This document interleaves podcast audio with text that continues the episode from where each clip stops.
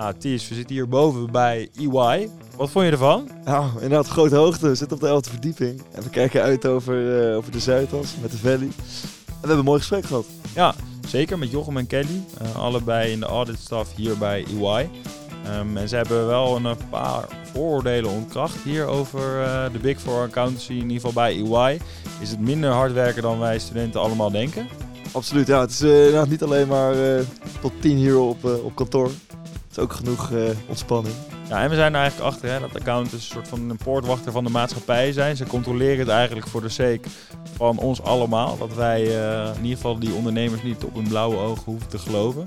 Dan moet je dus ook wel een nieuwsgierige student zijn om een goede accountant uiteindelijk te worden. Dat is de, de questioning mind worden we.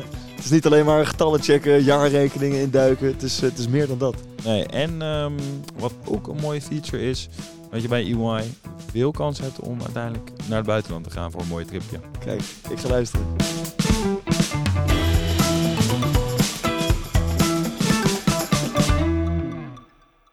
Nou, we zitten weer eens op meters hoogte aan de, aan de A10 op de Zuid, Zuidas. We zitten bij Ernst Young of EY.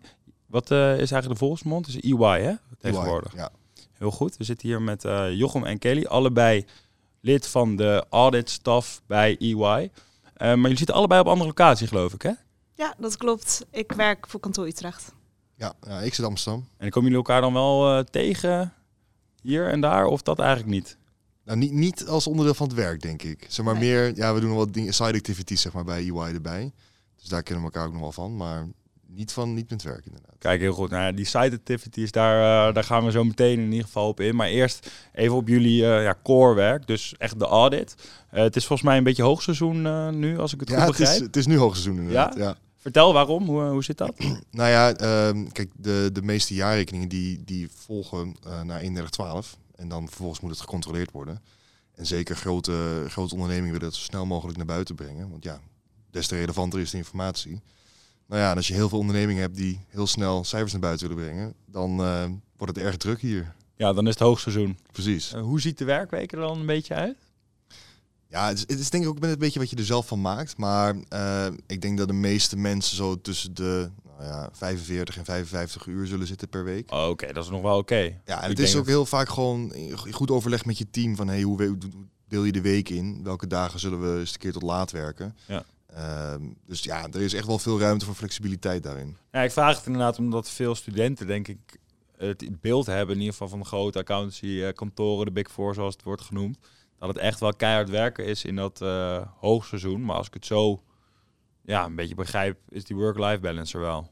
Ja, zeker. En ook als je kijkt, we hebben niet alleen maar busy season. Het begint inderdaad nou ja, voor de 1 december al, maar vaak januari tot en met maart, april uh, voor velen. En daarna is het ook wel echt ruimte om, uh, om vakantie te nemen, om wel gewoon de reguliere 40 uur te draaien. Dus het is niet alleen maar heel hard werken.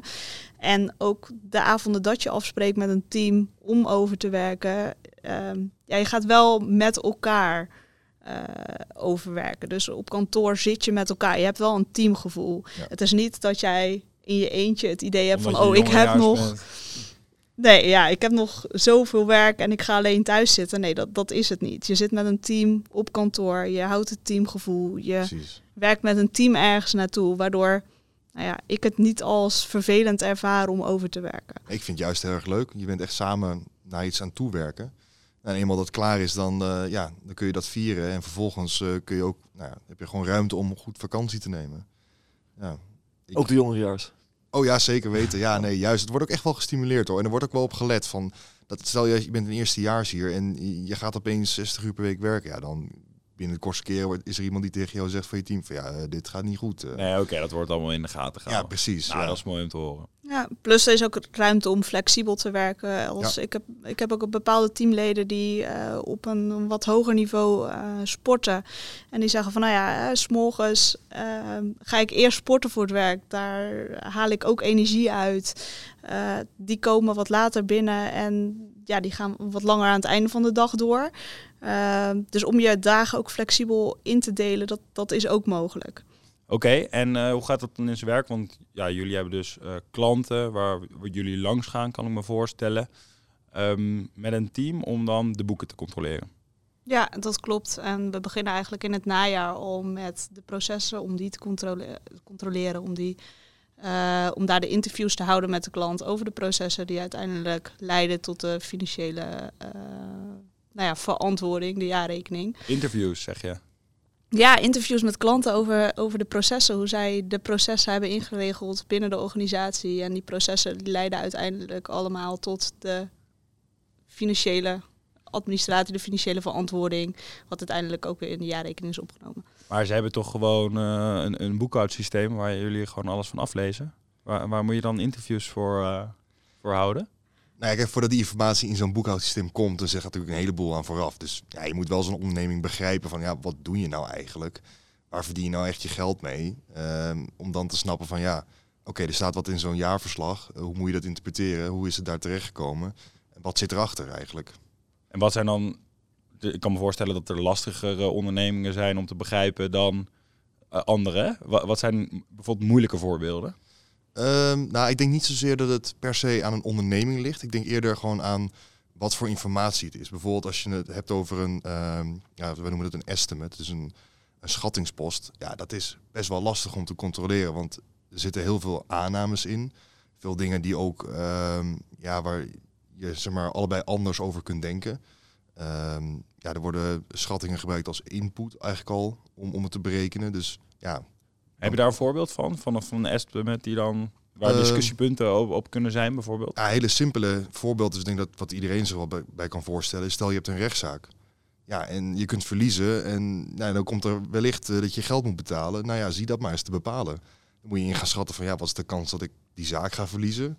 En als ik hem verlies, ja, wat is dan de hoogte van de uitstroom van middelen? Nou, dat zitten zoveel aannames in. Ja, uh, bedoel, soms is het bijna natte vingerwerk, zou je kunnen zeggen.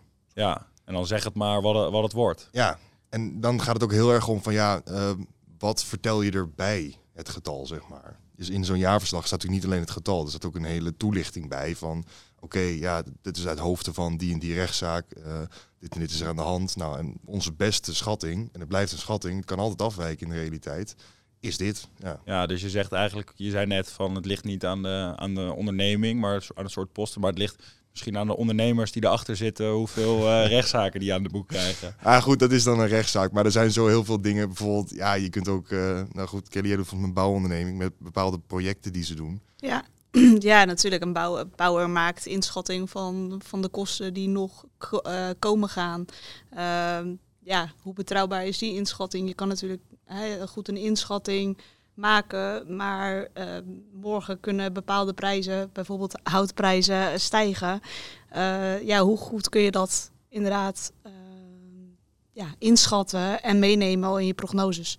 Want je zit op de, over de hele wereld, toch? Begrijp ik? Ja. de, hoeveel mensen werken er ongeveer bij EY in totaal? Uh, meer dan 300.000. Uh, Kelly had het laatst ja. even opgezocht. ja, wereldwijd meer dan 300.000 uh, medewerkers en verspreid over 150 landen. Niet normaal. En dan jullie team zelf, hoe groot zijn die dan ongeveer? Verschilt heel erg per opdracht, afhankelijk van de grootte van de klant. Ik heb een opdracht, nou daar zitten we meer, meer dan 10 teamleden op. Ik heb ook wat relatief kleinere opdrachten. daar zitten we met een team van 5, 6 personen. En allemaal uit Nederland of uh, misschien ook mensen uit het buitenland? Uh, afhankelijk ook weer van oh. de klant. Uh, ik heb een groepscontrole en bij die groepscontrole zijn ook buitenlandse entiteiten betrokken. Wat is een groepscontrole? Een groepscontrole is dat je nou ja, groepsaccountant bent, maar bijvoorbeeld de onderneming zo groot is dat ze ook in buitenland entiteiten hebben. En waarvoor jij bijvoorbeeld EY, um, UK inschakelt om daar lokaal de controle uit te voeren. Ja. Uh, en dan heb je ook het contact met die teams en die stuur jij de instructies van ik verwacht dat jij de werkzaamheden uitvoert uh, waarvoor wij, uh, die wij nodig hebben in die, om die ja, ja, rekening te controleren. Is het dan lastig dat je dan met eh, echt internationale... Stel je hebt een nou, groepscontrole die dan vijf, zes, zeven verschillende in vijf, zes, zeven verschillende landen zitten, verschillende valuta, verschillende rechtssystemen. Ik kan me voorstellen dat je dan ook intern misschien discussies krijgt met collega's, hoe, hoe, hoe, hoe zaken in elkaar zitten. Of valt dat mee? Uh, natuurlijk brengt altijd een groepscontrole een bepaalde mate van complexiteit met zich mee. Uh, ook buitenlandse regelgeving. Uh, die kennen de lokale accountants natuurlijk uiteraard heel goed. daarom, je schakelt ook de buitenlandse accountant in uiteindelijk. Ehm,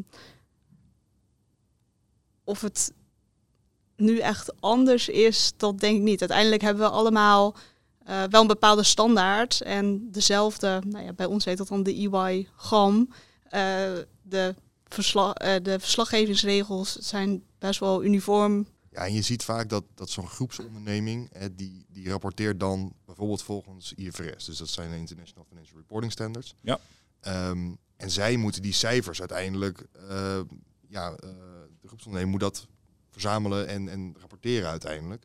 Ja, precies. Want uh, zeker bij zo'n bouwer, daar heb je dus langlopende projecten. Ja. En die projecten die, ja, die, die starten in, in zeg maar dit jaar, maar hij is pas over vijf jaar is het af. Ja, dat zou kunnen. Ja, maar dan moet er al wel een deel van de winst genomen worden, toch? Of hoe werkt dat precies? Ja, dat uh, volgens inderdaad de accountingstandaarden uh, neem je als het betrouwbaar hè, te schatten is, wel in te schatten, uh, neem je je winst over de looptijd van het project, je resultaat. Ja. En daarvoor moet je inderdaad de inschatting doen van hoeveel worden uiteindelijk mijn totale kosten en hoeveel van die kosten heb ik al gemaakt.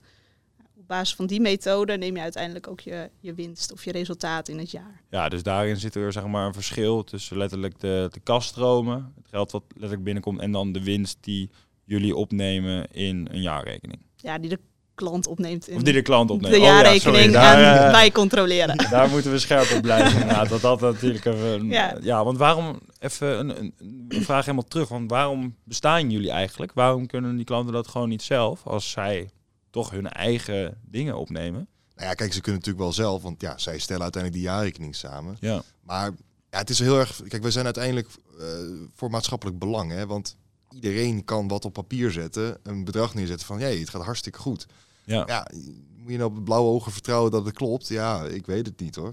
Dus daar is in feite onze functie uit ontstaan. Uh, nou ja, eeuwen geleden al zo'n beetje. Ja. Uh, en ja, het kan ook een heel simpel voorbeeld zijn. Uh, stel, jij hebt een onderneming, een kleine onderneming, je hebt een leen nodig bij de bank. Ja, als bank zijn, dan loop je natuurlijk risico. Dan wil je wel zeker weten dat de cijfers die jij daar neerlegt, of dat wel klopt. Nou ja, dan kun je dus een accountant inschakelen en zeggen van, hey, kun jij in ieder geval zeggen dat wat hier staat klopt. Ja, precies. Dus het is niet alleen maar om de jaarrekening te checken, maar het is af en toe ook voor een bijzondere gebeurtenis, zoals een lening aanvragen. Zou kunnen. Ja, er zijn wel verschillende opdrachtvormen, maar goed, hoofdzakelijk is het wel echt jaarrekeningen. Ja, oké. Ook, ook, omdat, um, kijk, wettelijk zijn bepaalde ondernemingen die aan bepaalde criteria voldoen, verplicht ook om een accountantsverklaring daarbij te voegen. Oké, hoe zit dat dan? Nou ja, dat heeft te maken met, eh, stel je bent beursgenoteerd of uh, je bent gewoon heel groot, hè, er zijn bepaalde criteria. Uh, dan kun je dus, ja, ook dat vloeit eigenlijk voort uit het maatschappelijk belang daarvan. Want als jij een hele grote onderneming bent, dan heb je ook heel veel mensen in dienst, je hebt heel veel crediteuren, je hebt uh, allerlei mensen die van jou afhankelijk zijn, stakeholders. Ja, dan is het best logisch dat je niet met die, met die cijfers moet gaan zitten klooien. Want ja, dan gaan mensen verkeerde beslissingen maken op basis van die gegevens. Ja, en dan misschien het makkelijkste voorbeeld daarbij is gewoon zijn beursgenoteerde bedrijven waar mensen ja, letterlijk investeringen op kunnen maken. Ja. ja. En je wil niet hebben als maatschappij dat die uh, voor de gek gehouden kunnen worden. Ja, precies, ja. ja. ik ben heel benieuwd, leer je al dit soort dingen echt on the job of hebben we dat in je studio al meegekregen? Deels al in de studie, ja. En uh, vanuit de studie krijg je natuurlijk inderdaad, nou, hè, wat Jochem net ook zegt, wie zijn dan de belangrijke stakeholders? Uh, wat voor afwegingen maken die op basis van de jaarrekening? Wat zijn uh, voor de stakeholders belangrijke elementen van een jaarrekening? Waar, waar kijken zij naar? Um, het is wel natuurlijk, de studie is het is de theorie uh, het perfecte plaatje ook wel. Als je het weer even hebt over nou ja, de processen waar we het net over hadden. Op de studie worden die uitgelegd. Um, kom je uiteindelijk bij een klant, zal je zien dat het uh, soms wat complexer is dan dat je op de studie hebt geleerd. Soms zit het net iets anders in elkaar, maar uiteindelijk moet het passend zijn bij, jou, bij jouw klant. Um, dus vanuit de studie krijg je een hele mooie bagage mee. Maar echt het leren van het beroep, het, het, het kennismaken met van wat, wat doet een accountant nu, dat leer je echt in de praktijk. Dat is niet iets wat je in een studieboek leest. Nee, en studie heb je het dan over? Welke studie hebben we eh, het dan over? Uh, studie accountancy. Studie accountancy, Ja. oké. Dus het is wel echt verplicht om een master accountancy, is dat dan? WO master accountancy te doen? Ja, ik zou niet zeggen dat het verplicht is. Ik denk dat we tegenwoordig ook steeds meer mensen aannemen die nou ja, niet, niet een accountancy achtergrond hebben. Oké. Wat wel zo is, is kijk, als jij door wilt gaan in de accountancy, op een gegeven moment is natuurlijk het einddoel de titel registeraccountant halen. Ja, wat, wat is dat dan? Registeraccountant? Nou, registeraccountant is eigenlijk, op dat moment zou je de handtekening mogen zetten onder de jaarrekening van oké, dit klopt. Dus dan ben je echt de eindverantwoordelijke. Nou, bij zo'n groot kantoor zoals bijvoorbeeld EY of, of nou ja, een Big Four kantoor, dat gebeurt eigenlijk pas als je partner bent, zo'n, eh, dat je mag aftekenen. Ook Oh ja? al- Oh, dat duurt, dat duurt wel echt eh, vrij lang. Ja, dat kan heel lang duren. Ja, ja. Dat is ook een hele grote verantwoordelijkheid die je Ja. draagt. maar het gaat ook wel meteen om enorme ondernemingen natuurlijk. Precies. Dus ja, ik kan niet zeggen dat ik daar sta te, te springen om daar mijn handtekening onder te zetten. Nee, hoezo niet? is toch ook wel een eer misschien? Ja, het is een hele eer, maar goed, ja, je merkt ook wel aan jezelf of je daar wel of niet eh, klaar voor bent. Oké, oké, oké. En zit het er bij jou al snel aan te komen, denk je? Nou, nou goed, de- weg naar partner is, is eh, nou, een route van 10, 12 jaar, eh, als ik het niet mis heb. Eh, ik zit er nu 3,5, dus ik heb dan al wel een lange weg te gaan. Oké, ja. Dus een Kelly, jij zit iets dichterbij dan? Nou, ik ben momenteel manager, dus ik heb nog wel wat stappen te zetten eh, voordat ik in de functie als, eh, als partner daarvoor in aanmerking zou kunnen komen. Ehm, dus dat duurt bij mij ook nog wel even. Maar inderdaad, ik eh, zit iets langer in, eh, in de accountancy. En ben jullie allebei dan, eh, ik ben heel benieuwd, hoe ziet je dag er ongeveer uit? Hoe laat kom je binnen? Hoe laat ga je weg? En wat doe je tussendoor? Ja, heel wisselend. Ja, het is. Ik, ik kan in alle eerlijkheid zeggen dat geen enkele dag hetzelfde is. Dus ja, iedere dag kom je weer andere dingen tegen. Eh, ook al doe je misschien een, een klant al voor de derde jaar. eh, je doet toch altijd andere dingen. Want je groeit ook in je functie. Dus je ziet nieuwe dingen. Je bent voor andere dingen verantwoordelijk. En ja, kijk, van tevoren bedenk je wel van oké, vandaag wil ik eh, X of Y doen. En uiteindelijk ben je met ABC bezig. Ja, dat, dat is ook maar net een beetje wat de dag brengt. Oh, en dan ben je vaak bij de klant of ben je juist veel op kantoor? Of? Ehm, ik denk dat het ook heel erg wisselt van, van de klant zelf. Eh, ik zit zelf bij eh, de, ja, hoe noem je dat? De, ja, ik mocht volgens mij niet service line zeggen, maar eh, Afdeling. afdeling, dat was het ja. Afdeling, eh, afdeling van financial services. Dus ik doe hoofdzakelijk, eh nou, bijvoorbeeld banken, verzekeraars, dat soort dingen. Ehm, dus dan gaan we wel eens naar de klant toe. Eh, maar er wordt ook wel veel gewoon vanuit kantoor gewerkt. Eh, maar ik kan me ook voorstellen als je dan ja, toch wat meer tastbaarder onderneming hebt, dat het waardevoller is om daarheen te gaan. Omdat, nou ja, bijvoorbeeld bij een bouwonderneming moet je echt het project wel even, even zien, zeg maar. Een beetje voelen. Ja, Oké, en hoe ehm, zit het dan eruit inderdaad als je hier als student eh, start? We hadden het net al even over uh, jullie loopbaan. Je zit nu drie jaar, je hebt wat langer. Ehm, dag één, je komt hier binnen. Eh, waar, waar beginnen we eigenlijk? Ben, je dan als stagiair gestart of, of ben je dan al Laten we als, werkzaam? als stagiair inderdaad beginnen. Helemaal onderaan. Ja, ik denk dat de meeste mensen die hier binnenkomen, die hebben vaak echt wel een stage gelopen. Dus dat is dan of een meeloopstage of een scriptiestage. Nou, bijvoorbeeld als je een scriptiestage schrijft, dan, dan zit je hier op kantoor en eh, dan ben je hoofdzakelijk bezig met je scriptie. Nu moet die scriptie wel wat te maken hebben natuurlijk met EY of het accountancyberoep, eh zodat de EY daar iets aan heeft. Het is wel een soort van onderzoekstage eigenlijk. Ja. Ja, en, ehm, en het idee is ook heel erg dat je dan juist kennis kan maken met EY en EY met jou. Dus dat je echt een beetje kunt uitvinden van, hey, is accountancy iets voor mij? Is dit bedrijf iets voor mij? En vice versa natuurlijk. Ehm, dus ik denk, als je dan vervolgens ervoor kiest, hè, ik, ga hier starten, nou ja, dan ben je eerstejaars, zoals we dat noemen. En dan word je ingedeeld op een bepaald aantal, aantal klanten. Eh, nou, dan heb je wisselende teams dus. Eh, en dan ben je gewoon gepland op een klant.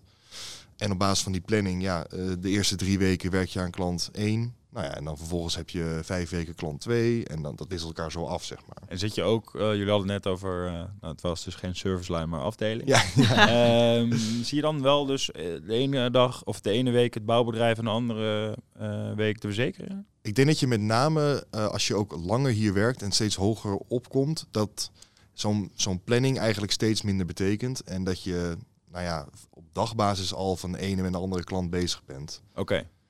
Oké, maar het is dus niet dus dat je zelf dedicated op de afdeling zit. Het is wel dat je dus Ehm, ja, dus niet alleen tussen klantenverschil, maar ook tussen een soort van sector. Ah, zo. Oké, ja, dat zou ook kunnen, maar je ziet daar wel dat het met name is van oké, ik zit bij financial services, dus Ja. ik doe echt alleen financial services klanten. Oké. en er zijn wel. echt heel veel klanten van, dus ja, ook daarin zit er een geruime keuze natuurlijk. Ja. En Kelly, wat doe jij? Ja, en dat is dan inderdaad het verschil tussen, tussen wat Jochem doet en wat ik doe. Ik doe eigenlijk de klanten eh, als behalve financial services, want dat is gewoon een hele specifieke sector. Dus daar is ook een, eh, een specifieke afdeling voor. Ehm, en ik zie eigenlijk eh, een ja, ander type klanten dan die financial service organizations. Ehm, en dat is heel breed. Dat zijn zowel bedrijven die inderdaad winstgericht zijn, kunnen ook non-profit bedrijven zijn. Dat kunnen handelsondernemingen zijn, productieondernemingen, ehm, nou ja, noem maar op. En dat is eigenlijk ook heel leuk aan het vak. Je ziet, je komt eigenlijk bij zoveel verschillende bedrijven. Je kun je een kijkje in de keuken nemen eigenlijk. Hè? Maar jij gaat er ook dus eigenlijk Ehm, altijd heen, zeg je. Nou ja, we proberen wel veel op locatie te zijn. Als de klant zelf ook op locatie werkt. Ehm, met corona zie je, of na corona zie je dat wat schuiven. Klanten die zijn ook meer vanuit huis aan het werk. Maar we proberen zeker op locatie te zijn. En eh, nou ja, bij de meeste van mijn klanten is het wel mogelijk om zeker drie keer per week aanwezig te zijn. Eh, nou ja, dan doen we nog een dag op kantoor en vanuit huis. Dat is, nou ja, Het is ook heel leuk om, om eigenlijk naar de klant te gaan, want ja, dan, dan zie je de mensen, dan spreek je de mensen waar je het eh, in feite ook een soort van mee moet samenwerken. En het helpt alleen maar als je met hun ook een goede relatie hebt. Ehm, ja, en dan Ik kan me voorstellen. zie Ja. je echt waar, ze, waar zij ook mee bezig zijn, want voor hun is het ook gewoon hun baan natuurlijk. En Kelly, je had het even over, eh, over na corona, hoe het allemaal is veranderd. Ehm, je hebt natuurlijk ook de laatste tijd AI is heel erg eh, upcoming. Verandert jullie werk ook daardoor? Door digitalisering of door nieuwe tools, nieuwe, nieuwe fun- eh, mogelijkheden? Ja, ja, nou dat heeft niet per se iets met corona te maken. Maar eh, nou ja, ik ben al een tijdje in dienst. Nou, toen ik in dienst kwam, eh, was het nog best wel de traditionele manier van, eh, van controleren. Waren er beperkte data-analyse tools ehm, beschikbaar. Nou, je ziet echt wel dat dat een enorme eh, inhaalslag, of nou ja, niet inhaalslag, een enorme boost heeft gehad de afgelopen jaren. Dat daar echt focus op is komen te liggen. Ehm, ja, we krijgen inderdaad datasets van klanten aangeleverd in nou ja, de tools waarmee wij werken om de data te analyseren. En je ziet dat je daardoor gewoon kijkt naar een veel grotere bak aan data, maar ook veel risicogerichter je werk kan gaan doen. Dus de kwaliteit eh, van jouw werk, dat, dat neemt toe door die data-analyses. Maar het is wel een andere manier van, van controleren. Oké, en dus ja, als ik het zo weer hoor, dat risico, eh, die risicoanalyse komt weer, weer terug. Wat zijn dan eigenlijk, eigenlijk eigenschappen die je als student moet hebben of dingen die je leuk moet vinden om te denken van nou, accountancy zou het echt voor mij kunnen zijn? Ik denk een van de eigenschappen die sowieso helpt, is echt willen snappen waarom iets is. Oké, dat vind ik een hele grote vraag, maar eh, Nou ja, dat, je, uit. dat je dus niet zomaar eh, iets aanneemt van oké, ja, eh, het is zo, oké. maar waarom is dat dan zo? Je wilt echt begrijpen van waarom staat hier dit getal? Waarom maakt het dat je daarvoor kiest? Ja. En dat je dus echt dan ook kritisch daarop ehm, eh, ja, kunt reageren. Ja, precies. Ja. Ja. En dus inderdaad, dat, dat eh, heeft weer een beetje te maken met van niet de ondernemer misschien geloven op zijn blauwe oog, maar Zeker, ja. ja. niet, niet per se wantrouwen, maar gewoon, we, we noemen dat een questioning mind. Oké, Ja. ja. Onderzoekend eigenlijk eh, Ja. te werk willen gaan. Ja. Professioneel kritisch. Ja. Professional kritisch. Oké, jullie maken achterdocht inderdaad wel. eh, precies. ja. kunnen het wel goed praten op die manier. Oké, nee, maar je moet dus van, van nature eigenlijk nieuwsgierig zijn. Ja. Ja. Eh, andere ding nog, natuurlijk affiniteit met cijfers, maar ja, zoals ik het hoor, het is ook best wel veel. Dus nou, door kunnen vragen op, op de ondernemer, op of in ieder geval de teams die met die zaken te maken hebben. Ja, inderdaad. Dat, dat je analytisch sterk bent, dat, dat helpt enorm. Eh, dat je verbanden kunt le- leggen. Ehm, maar uiteindelijk leer je dat ook gewoon eh, als je gaat werken. Eh, dus mocht je het niet allemaal hebben, hè, dat is, is geen ramp. het is Nee. geen ramp. Hetzelfde Nee. geldt voor, voor omgaan met mensen. Je werkt met eigenlijk heel, heel erg veel met mensen samen. Hè. De klant, eh, je team. Ja, het helpt ook heel erg als je makkelijk eh, verbinding kunt leggen met mensen. Maar ook dat leer je natuurlijk wel eh, gaandeweg. Ja, ik kan me voorstellen inderdaad, ja. En ehm, nou, we hadden het al even over jullie eh, jaarlijkse planning, zeg maar. Dat het eigenlijk van nu tot maart een beetje hoogseizoen is. Gaat eh, daarna iedereen dan op wintersport? Of hoe eh, moeten we dat zien? Nou, er is, er is wel de, de, de EY wintersport. En dat wordt dan, eh, er zijn meerdere die georganiseerd worden. Want anders gaan er ja, zoveel mee, zeg maar, op één ja, reis. je, je dat... kan eh, wij- lastig 300.000 man kwijt. in Ja, precies. eh, wintersport precies. Dus je ziet vaak dat het een beetje afdelingsgericht wordt georganiseerd. Eh, dus nou, de wintersportreis, daar doen heel veel mensen aan mee inderdaad. Dus die is over 2,5 weken als ik het niet, eh, niet mis heb. Ja. Eh, maar goed, zo zijn er wel meer dingen die, eh, die worden georganiseerd. Ja, we hadden volgens mij laatst, eh, was in januari geloof ik, het eh 140 jaar bestaan van EY. In Ahoy. Ja, toen was heel Ahoy Oh, afgehuurd. kijk, mooi. Dus, en zijn er nog mooie artiesten langsgekomen daar? Of eh, hoe Nou, zag ik- die avond eruit? Nou, volgens mij hebben ze dit jaar juist het geld besteed aan, aan de locatie. Oké. Geld was op voor de artiesten. Nou, maar nou, de locatie leende zich er ook niet voor om, om dan één artiest bij een, een of andere mainstage neer te zetten. nee, nee. Oké. Maar ik geloof dat vijf jaar geleden, toen het 135 jaar bestaan was, toen was bijvoorbeeld Armin Buren er. Van Oh ja, ja. ja. Dat, is wel, eh, dat zijn wel grote namen Ja, natuurlijk. precies. Ja. Past wel eh, bij UI. Wel op kantoor zelf. Nee, nee, nee, nee. dat was toen ook op een andere locatie. Maar dat, Dat was was toen meer... Ziggo Dome. Ja, klopt, Ja. Pakken het niet eh, zuinig aan. Oké, en als, eh, ja, nou, je noemde het net al eerstejaars. eh doen we een beetje aan de studentenvereniging denken bijna. Zijn er, zijn er daar nog eh, programma's voor als je hier binnenkomt Ja. eh, Ja. met een groep Ja. mensen? Ja, dus zeker als je net begint, dan dat noemen ze dan induction. Dus dat is dan echt dat je ja, hier komt werken en je moet in twee weken tijd word je een soort van klaargestoomd om nou ja, echt aan het werk te kunnen gaan. Maar onderdeel daarvan is dat je dus ook nou ja, met je jaarlaag het ook goed kunt vinden. Eh, dus er worden allerlei sociale activiteiten ook georganiseerd. Ehm, ik weet niet of ze nu nog naar het buitenland gaan. Ik ben toen nog eh, een week naar Griekenland geweest. Ja. Ja, dat is super Kijk. tof. Want dan, dan ga je dus eh, met heel jouw, je noemt het een jaarlaag, dus iedereen die op dat moment gestart is, ook van allerlei andere afdelingen, zelfs ook mensen van, eh, ja, van andere landen. Nou, kom je op die locatie en heb je overdag training en s'avonds is het gezelligheid natuurlijk. Ja, dat kan ik me voorstellen. Ja, Ja. sociale activiteiten eh, zijn daar ook onderdeel van, inderdaad. Dus een eh, combinatie van inderdaad eh, leren en klaarstomen voor de eerste klanten of de eerste controles in combinatie met een fun element. Kijk, dat is mooi. En heb je hier ook eh, misschien nog eh, ja, coachingsprogramma's of dat soort dingen? Ja, je hebt natuurlijk gewoon je, je reguliere eh, learnings. Eh, deels is dat online en deels is dat op locatie. Die volg je eigenlijk gedurende eh, het, het jaar, bepaalde leermomenten. Ehm, maar ook als je langer in dienst bent, je houdt jaarlijks gewoon je, je trainingen, ehm, je updates. Die zijn uiteraard belangrijk om, om te volgen. Ja, ja dus iedereen die hier werkt heeft in principe een, eh, ja, je noemt het een mentor, wij noemen Ja. het eh, een counselor. Eh, en, en dat is eigenlijk een soort van loopbaanbegeleider. Ja. Dus die kijkt echt naar, oké, hey, hoe ontwikkel jij je? Wat zijn jouw ontwikkelpunten? Waar, waar excelleer je in? Wat vind je leuk? Waar kun je dat dan nog op inzetten? Dus dat is ook heel erg op persoonlijk vlak. Oh ja, precies. Ja. Ook hoe je inderdaad door wil groeien, welke kant je Precies, op wil, dat, ja. soort, dat soort zaken. En dan kun je natuurlijk ook eh bij terecht als je ergens tegenaan loopt van joh, met bepaalde privésituatie bijvoorbeeld. Hè, van, Oh ja. ja. ja, iemand is overleden of zo, dan eh, ja, je moet naar de begrafenis, je moet allerlei dingen regelen bijvoorbeeld. Ja, dan, dan is zo'n persoon ook je aanspreekpunt. Oké, en eh, nou, we hebben het al even over die buitenlandse locaties eh, gehad. Kan je eigenlijk wel naar het buitenland als accountant? Ja, Ja, zeker weten. Dat is zeker mogelijk. En Ja? ook eh, voor als jij het leuk vindt om in het buitenland te werken, zijn er ook programma's vanuit EY om voor een drie maanden, een half jaar of zelfs langere periode naar het buitenland eh, te gaan en daar echt voor EY in het buitenland te werken. Nou, dat is wel tof, want we hebben bij veel advocaten gezeten en daar is het toch wel een stuk lastiger. Want eh, ja, Nederlands recht eh, is het Amerikaanse recht Ja. niet. Dus Ja, eh, Kan die zullen jaloers misschien eh, naar deze podcast luisteren. Maar komt dat dan omdat, eh, nou, je had het net al over die IFRS. Ja. Omdat die standaarden gewoon eh, een beetje gelijk zijn in alle landen? Of? Ja, dat helpt. Ja. Ik denk wat ook helpt is dat EY überhaupt wereldwijd enorm groot is. Dus ja. ik denk dat er ook gewoon meer ruimte is om dat soort dingen te, te ondernemen. Dat ze dat gewoon aan kunnen bieden.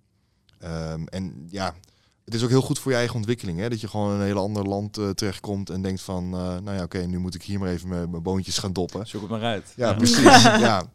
En dat wordt ook echt wel, wel gestimuleerd. Dus doorgemogen is het niet alleen maar omhoog, maar ook gewoon eh, naar de zijkant als het ware.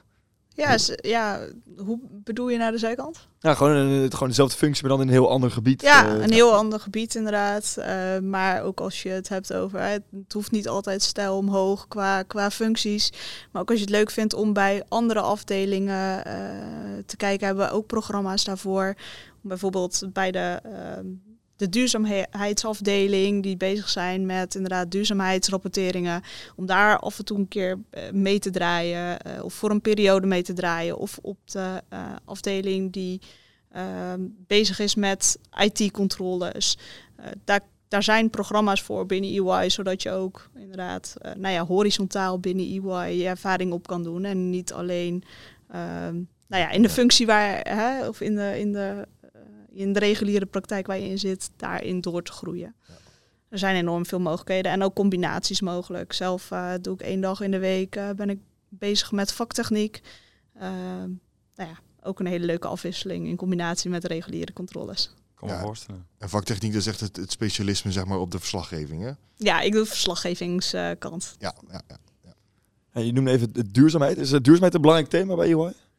Eh, ja, niet alleen bij UI. Eh, het is een steeds belangrijkere, belangrijker thema in de rapportering vanuit bedrijven.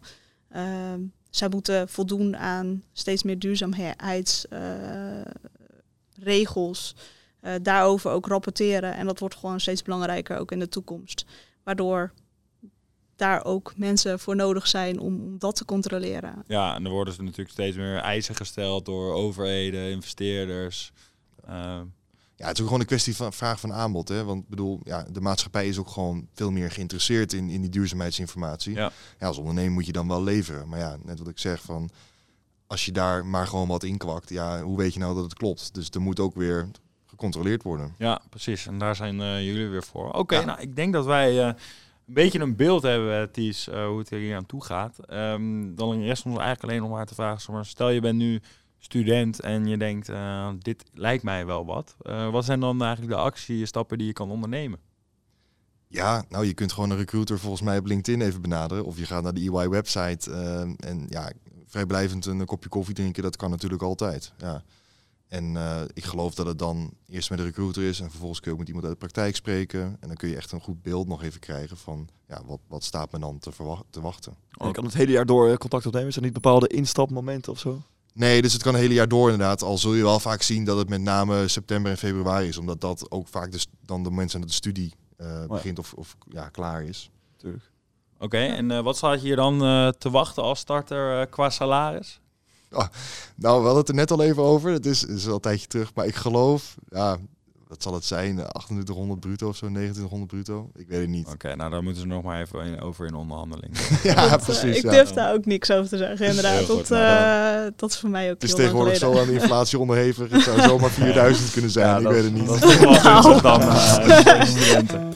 Heel goed, nou ja, we willen jullie eh, hartstikke bedanken voor de informatie en eh, ja, tot snel. Ja, dankjewel. Dankjewel. Dankjewel.